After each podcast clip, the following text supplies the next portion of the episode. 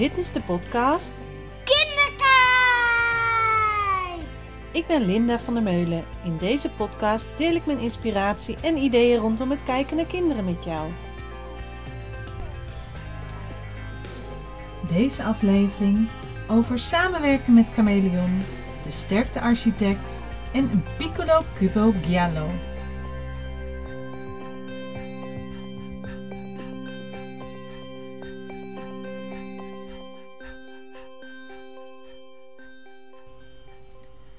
Wat fijn dat je weer luistert naar deze allernieuwste aflevering. Een klein feestje eigenlijk vandaag, want het is uh, aflevering 20 die uh, online komt. En ook een beetje een feestje, omdat afgelopen week Chameleon is gelanceerd. En nu zul je denken, wat is Chameleon? Ik heb je daar nog nooit over gehoord. En daar ga ik in deze afleveringen meer over vertellen. Maar eerst wil ik jullie eigenlijk meenemen in een verhaal, um, iets wat ik samen met Isa, mijn dochter, heb beleefd. En wat gaat over onderzoekend leren. Want dat is eigenlijk een beetje het subthema van deze aflevering.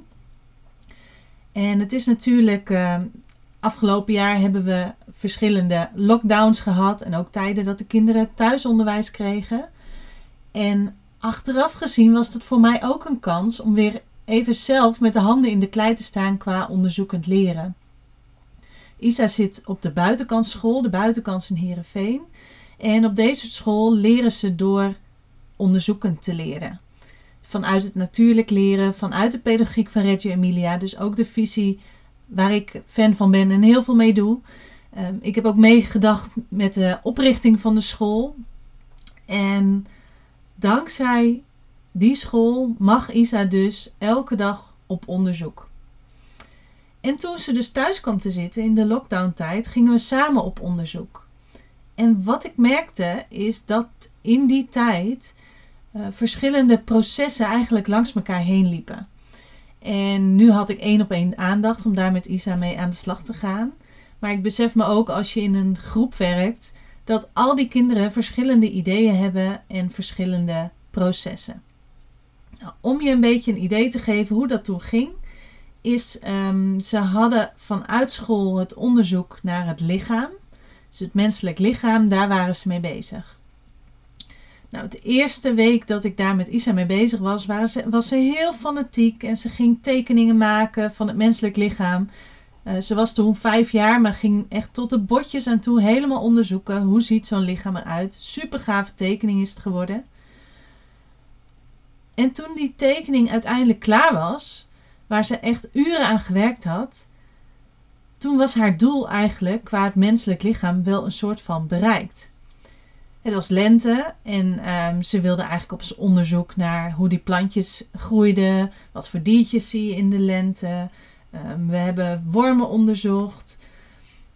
En als je nou kijkt naar interesses van kinderen, waar volg je dan en waar laat je los?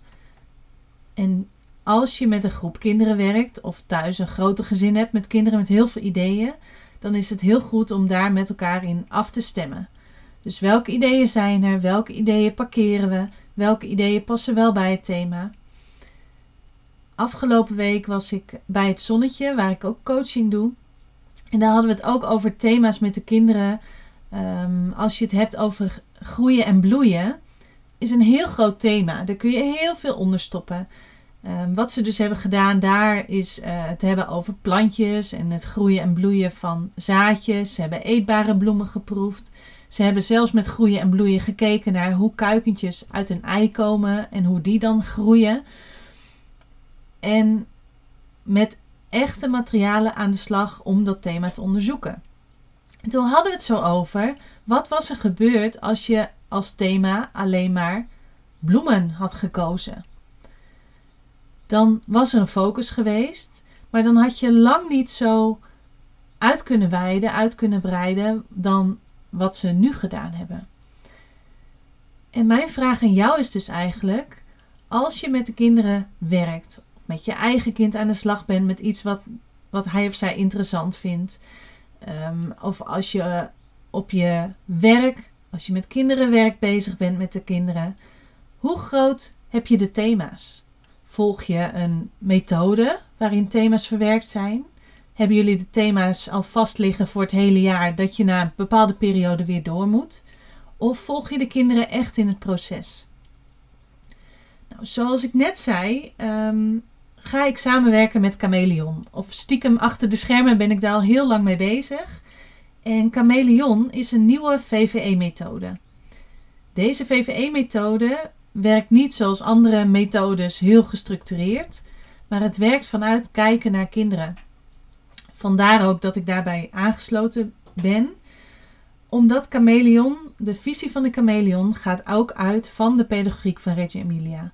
Namelijk uit van honderd talen van kinderen. Gaat uit van het competente kind, van de drie pedagogen. Het kijken naar kinderen door middel van documentatie. Hoor je nou deze begrippen en denk je: uh, ik snap er niks van waar Linda het nu over heeft? Luister dan even de podcastafleveringen terug die ik hierover opgenomen heb. Het staat in de titel dat het daarover gaat. Dus zoek op Kinderkijk de podcast en dan kun je zo klikken op de aflevering. Bijvoorbeeld over het competente kind, bijvoorbeeld over hondentalen of de pedagogen. Waar Chameleon nog meer voor staat, is vooral die onderzoekende houding en het levenslang leren. Dus dat je een lerende organisatie bent, dat je lerende begeleiders hebt, dus pedagogische medewerkers of leerkrachten in de onderbouw. Maar vooral ook over verbinding en samenwerking. Nou, die verbinding en samenwerking heb ik zelf uh, echt ervaren de afgelopen maanden dat ik al met Marga en Mirjam, de bedenkers van Chameleon, aan de slag ben. En de methode van Chameleon is een VVE-methode. VVE staat voor voor- en vroegschoolse educatie. En die methode um, geeft handvatten hoe je aan de slag kan gaan met de uh, werkwijze vanuit de pedagogiek van Reggio Emilia. En dan ook nog eens VVE onderbouwd en aangetoond. Hoe gaaf is dat? Dus je voldoet aan de richtlijnen van VVE en je kan aan de slag met een supermooie werkwijze en pedagogiek. Mocht je daar nou meer over willen weten, zoek het gerust op of stuur me een berichtje. Dan uh, kan ik je daar altijd meer over vertellen. Nou, om nog even stil te staan bij dat onderzoekend leren, zie je dus terug, als je dan de VVE-methode van Chameleon interessant vindt, daar is het namelijk in verwerkt, dat je als je onderzoekend leert met kinderen verschillende stappen doormaakt. Heel vaak begint de drang om te onderzoeken bij verwondering. Dus dat je je verwondert over iets of nieuwsgierig naar iets bent, heel graag wil weten hoe iets werkt, hoe iets in elkaar zit. Bij jonge kinderen zie je dat heel veel. Die willen de wereld om hun heen helemaal gaan onderzoeken. Als je daar de ruimte voor geeft, dan merk je dat vanuit die verwondering ideeën komen en vragen komen. Ideeën over hoe de wereld in elkaar zit, ideeën over hoe iets werkt, vragen over hoe iets in elkaar zit of eruit ziet, eh, wat het zou kunnen zijn. Kinderen vragen zich heel veel af. Die vragen laten ze niet altijd zien of benoemen ze niet altijd. Maar als je heel goed kijkt en dus echt kijkt naar kinderen en opschrijft wat je ziet en ziet wat ze met hun lichaamstaal laten zien, dan laten ze het toch zien. En waar het om gaat is dat je kinderen niet het al ontdekte antwoord geeft. Bijvoorbeeld toen ik met Isa aan het onderzoeken was met um, het wormenproject waar ik in het begin over vertelde. Dus een van de afslagen toen ze met het menselijk lichaam bezig was.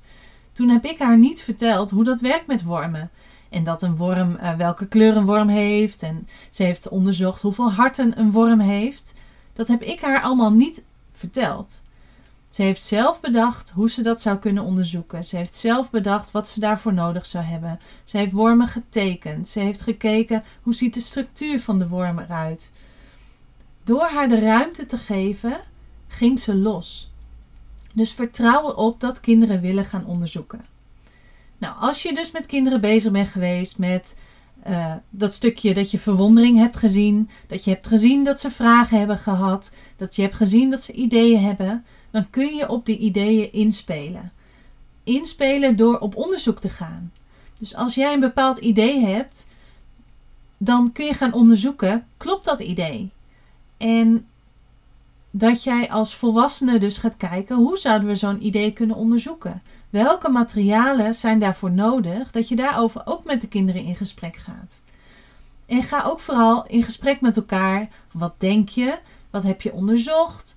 Uh, hoe doe je het? Wat heb je gedaan?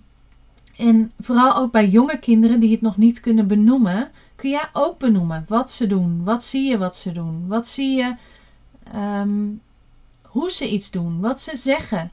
Kijk daar vooral naar en leg het ook vast. En dat vastleggen heet documenteren. Dus als je echt goed kijkt naar kinderen en ook vastlegt wat je ziet, wat ze doen, dan kun je dus ook terugblikken naar wat hebben ze gezegd, wat hebben ze gedaan. Isa was bijvoorbeeld met al die verschillende onderzoeken, zowel het lichaam als de plantjes en de bloemen, als ehm, de wormen, bezig met kan iets vliegen.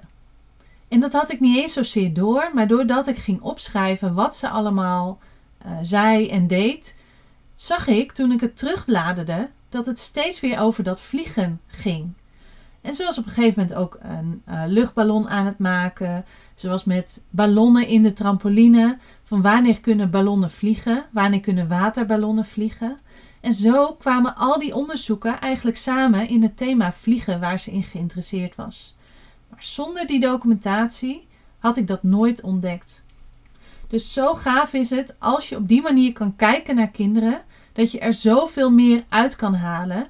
En dat onderwerpen die soms niet eens lijken aan te sluiten qua thema bij het thema waar je mee bezig bent op dat moment, of het onderzoek waar je mee bezig bent, dat ze er toch in passen, omdat ze toch aansluiten bij waar je in de kern mee bezig bent. Nou, ik voel een beetje dat deze podcastaflevering een beetje van hot naar her gaat. Terwijl ik super uh, gestructureerd ben normaal. Maar uh, dat komt vooral omdat ik enthousiast ben over dit thema. En er zoveel over wil en kan vertellen. En ik het ook zo ontzettend leuk vind om hiermee aan de slag te gaan. Dus als dit wat wiebelig voelt voor je, ik ga hier in andere afleveringen nog veel meer over uitweiden. Dit was meer een eerste soort uh, kennismaking. Waar ik dus uh, op een later moment nog heel veel over ga vertellen. Ik wilde het in deze vooral eventjes uh, bij je opgooien. Denk er eens over na. Hoe kijk jij daarnaar? Naar het onderzoekend leren. Wat vind je belangrijk? En het voelt misschien ook een beetje wiebelig, omdat er honderdduizend manieren zijn om dit te doen. En misschien voelt het voor jou helemaal niet wiebelig en uh, denk je, oh, nou, ik vind het een heel duidelijk verhaal. Dat kan natuurlijk ook. Geef het ook vooral terug wat je ervan vindt, welke afleveringen je aanspreken of niet. Waar ik vooral bij stil wil staan, is dat je zelf vooral nadenkt van wat vind jij belangrijk? Wat wil jij kinderen bieden? Vind je het fijn om, als je daarmee werkt, met gestructureerde thema's en methodes te werken? Of vind je het juist prettig als je de ruimte hebt om zelf met de kinderen op onderzoek te gaan? Of misschien wel iets daartussenin. Wat we gaan doen met de VVE-methode van Chameleon is vooral per organisatie kijken hoe past het binnen deze organisatie, met dit team, met deze kinderen, met deze omgeving, omdat het heel erg afhankelijk is van wie het doet. Het is geen trucje wat je kan doen, maar het zijn wel handvatten van waaruit je naar kinderen kan kijken en van waaruit je je aanbod kan genereren. Nou, wat daarin belangrijk is, is het talent van de sterkte architect. Want wat dat talent doet, is namelijk kijken naar wie ben jij en waar ben jij goed in. Een sterkte architect die kan dat namelijk heel goed. Die kan bij iedereen wel iets benoemen waar die goed in is. En je vindt het als sterkte architect ook prima als mensen hun eigen manier van doen hebben. Sterkte architecten werken ook liever samen dan alleen. En het resultaat is ook belangrijker van jullie samen, volgens de sterkte architect, dan dat ieder voor zich beoordeeld wordt of dat er bij ieder voor zich wordt gekeken naar dat resultaat. Dus als je een sterkte architect bent, of denkt dat je dat bent, dan vind je dat iedereen uniek is. Dat iedereen unieke kwaliteiten heeft. En dan kan je goed zien wat mensen nodig hebben om het beste van zichzelf te geven. En hoe jij diegene het beste kan benaderen. Als architect ben je een echte teamplayer. Ehm, kun je echt mooie teams samenstellen en opbouwen. Uh, zowel bij kinderen, dat je groepjes kinderen formeert die mooi bij elkaar passen. Als dat je collega's uh, ja, op een fijne manier laat samenwerken. Dus het zijn ook wel goede managers. De sterkte architect die kan heel goed kijken naar wie wat stukje kan bijdragen. Dus het kijken naar talenten, dat is eigenlijk het talent van die sterkte architect. Dus wie kan welk stukje? Je hoeft niet alles alleen en zelf te doen. Iedereen heeft een andere kwaliteit in zich. En daar geloof ik zelf heel erg in. Ik zie mezelf niet direct als sterkte architect, maar ik zie wel dat stukje het uniek zijn, uh, dat ieder mens uniek is. Het gevoel dat iedereen iets kan bijdragen en dat je samen het team vormt, dat je samen uh, het, het samenwerken heel belangrijk is. Wat sterkte architecten ook hebben, is een heel sterk ontwikkeld rechtvaardigheidsgevoel. Dat dingen eerlijk moeten gaan, dat je het samen Eigenlijk is samen wel het kernwoord. En dat is wel belangrijk ook als je aan de slag gaat met welke methode, welke thema's dan ook. Dan is samenwerking ook heel belangrijk. De sterkste architect voelt zich goed in een omgeving waar hij in een team, dus samen met anderen, succes heeft. Dus een echte teamplayer. Uh, respect en waardering wat wordt getoond is belangrijk, maar het is niet iemand die graag in de schijnwerpers staat. Die sterkte architect die wil vooral achter de schermen eh, schitteren en glitteren en anderen in en zichzelf in hun kracht zetten. Nou, wat valkuilen zijn, is dat ze niet altijd met de mening van iedereen rekening hoeven te houden. Dus op een gegeven moment moeten er knopen worden doorgehakt, want anders kom je nooit uit en kom je nooit verder. Sterkte architecten hebben veel geduld, omdat ze blijven geloven in wat ze kunnen. Dus zowel wat je zelf kan als wat, je, wat de ander kan. En zorg ervoor dat dit niet vertraagt, het proces vertraagt, of dat dit veel te veel energie kost. Een sterkte architect moet niet te bescheiden zijn, maar mogen best ook aandacht vragen voor hun geheel. Nou, sta eens even stil als je terugdenkt aan die sterkte architect. Herken je jezelf hierin? Krijg je ook heel veel energie van het kijken naar mogelijkheden, het kijken van talenten naar mensen? En ik zeg net, ik zie mezelf niet als sterkte architect, maar door dit zo gehoord te hebben, of eigenlijk uitgesproken te hebben, begin ik toch wel te twijfelen. Misschien ben ik toch wel een uh, sterkte architect. Want ik vind het wel dat stukje bescheidenheid, het niet graag in de schijnwerper staan, maar wel heel graag willen delen en mogelijkheden zien in mensen, uh, mensen in hun kracht zetten. Daar krijg ik wel heel veel energie van. Dus wie weet ben ik het stiekem toch. Nou, als laatste, als afsluiting van deze, naar mijn idee, iets chaotische podcastaflevering, wil ik nog een heel gaaf boekje met jullie delen ter inspiratie. En dat is deze keer een Italiaans boekje. Als je mij kent, dan weet je wel dat ik, als ik ergens op vakantie ga of uh, op reis ben, heel graag in boekenwinkels rondsnuffel. Dus niet eens zozeer per se in het buitenland, ook in Nederland. En op dit moment is dat natuurlijk een beetje lastig. Maar toen ik op studiereis was in Italië, heb ik een heel gaaf boekje ontdekt. Het is echt een kinderboekje. En het boek heet Piccolo Cubo Giallo. En ik heb dit boek nog niet in Nederland gevonden. Dus mocht je een soortgelijk boek uh, kennen, google het eens even. In mijn uh, Instagram en Facebook pagina zal ik deze ook delen binnenkort. En een Piccolo Cubo Giallo is eigenlijk op elke bladzij laat hij een andere manier van een Piccolo Cubo Giallo zien. Een kleine gele kubus. Nou, ik kan geen Italiaans, maar hier kon ik dus redelijk uitkomen. Uh, hij laat eerst gewoon kubussen zien. Dan verandert de kubus in een helikopter die als je het boekje open doet ook nog eens gaat vliegen. Dan verandert de kubus in een soort lift op een flatgebouw die je omhoog en naar beneden kan verplaatsen. De kubus verandert in een raam van een huisje wat je uit kan schuiven waardoor het aan en uit gaat. Het verandert in een garagedeur. En als laatste verandert het in een kubus die zich uitvouwt terwijl je het boekje opent. En wat ik vorige week ontdekt heb, of wat eigenlijk Isa ontdekt heeft, ik niet eens, is dat er in dat kubusje een heel klein mini baby kubusje zit. Nou, super gaaf boekje als je het hebt over onderzoek, over verwondering, over thema's om met jonge kinderen mee aan de slag te gaan. Wat in dit boek zit is vormen. Je hebt, kan het hebben over kleuren. Je kan het hebben over het maken van een boek. Uh, de mogelijkheden daarin. Dus naar mijn idee echt een boekje als je het hebt over kijken naar kinderen, kijken naar hoe kinderen leren. Hier zitten heel veel mogelijkheden in.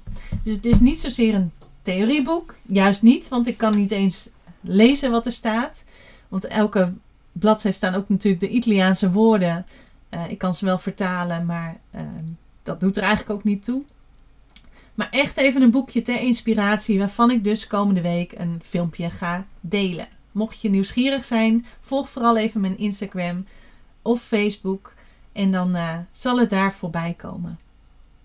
Nou, voor nu uh, weer heel veel verteld vandaag. Het, zoals ik al een paar keer heb aangegeven, het voelde een beetje van de hak op de tak. Ik ben heel benieuwd of je dat ook zo gevoeld hebt. Maar dit is eigenlijk ook, dat komt er ook door dat ik nu uh, op tijd zit. Dus ik wilde dit nog even gauw opnemen terwijl ik zo een afspraak heb. Dus dan merk ik dat het eigenlijk uh, niet helemaal goed werkt. Dus de volgende keer zal ik weer meer rust en tijd inbouwen als bezige bij om de aflevering op te nemen. Nou, Dank je wel in ieder geval voor het luisteren. En mocht je vragen en ideeën hebben voor een volgende keer, dan hoor ik het heel graag. En ik hoor ook graag uh, wat je hiervan vindt. Of je er ook zo over denkt, of juist helemaal niet. Ik vind het super interessant om te horen wat jouw gedachten hierover zijn.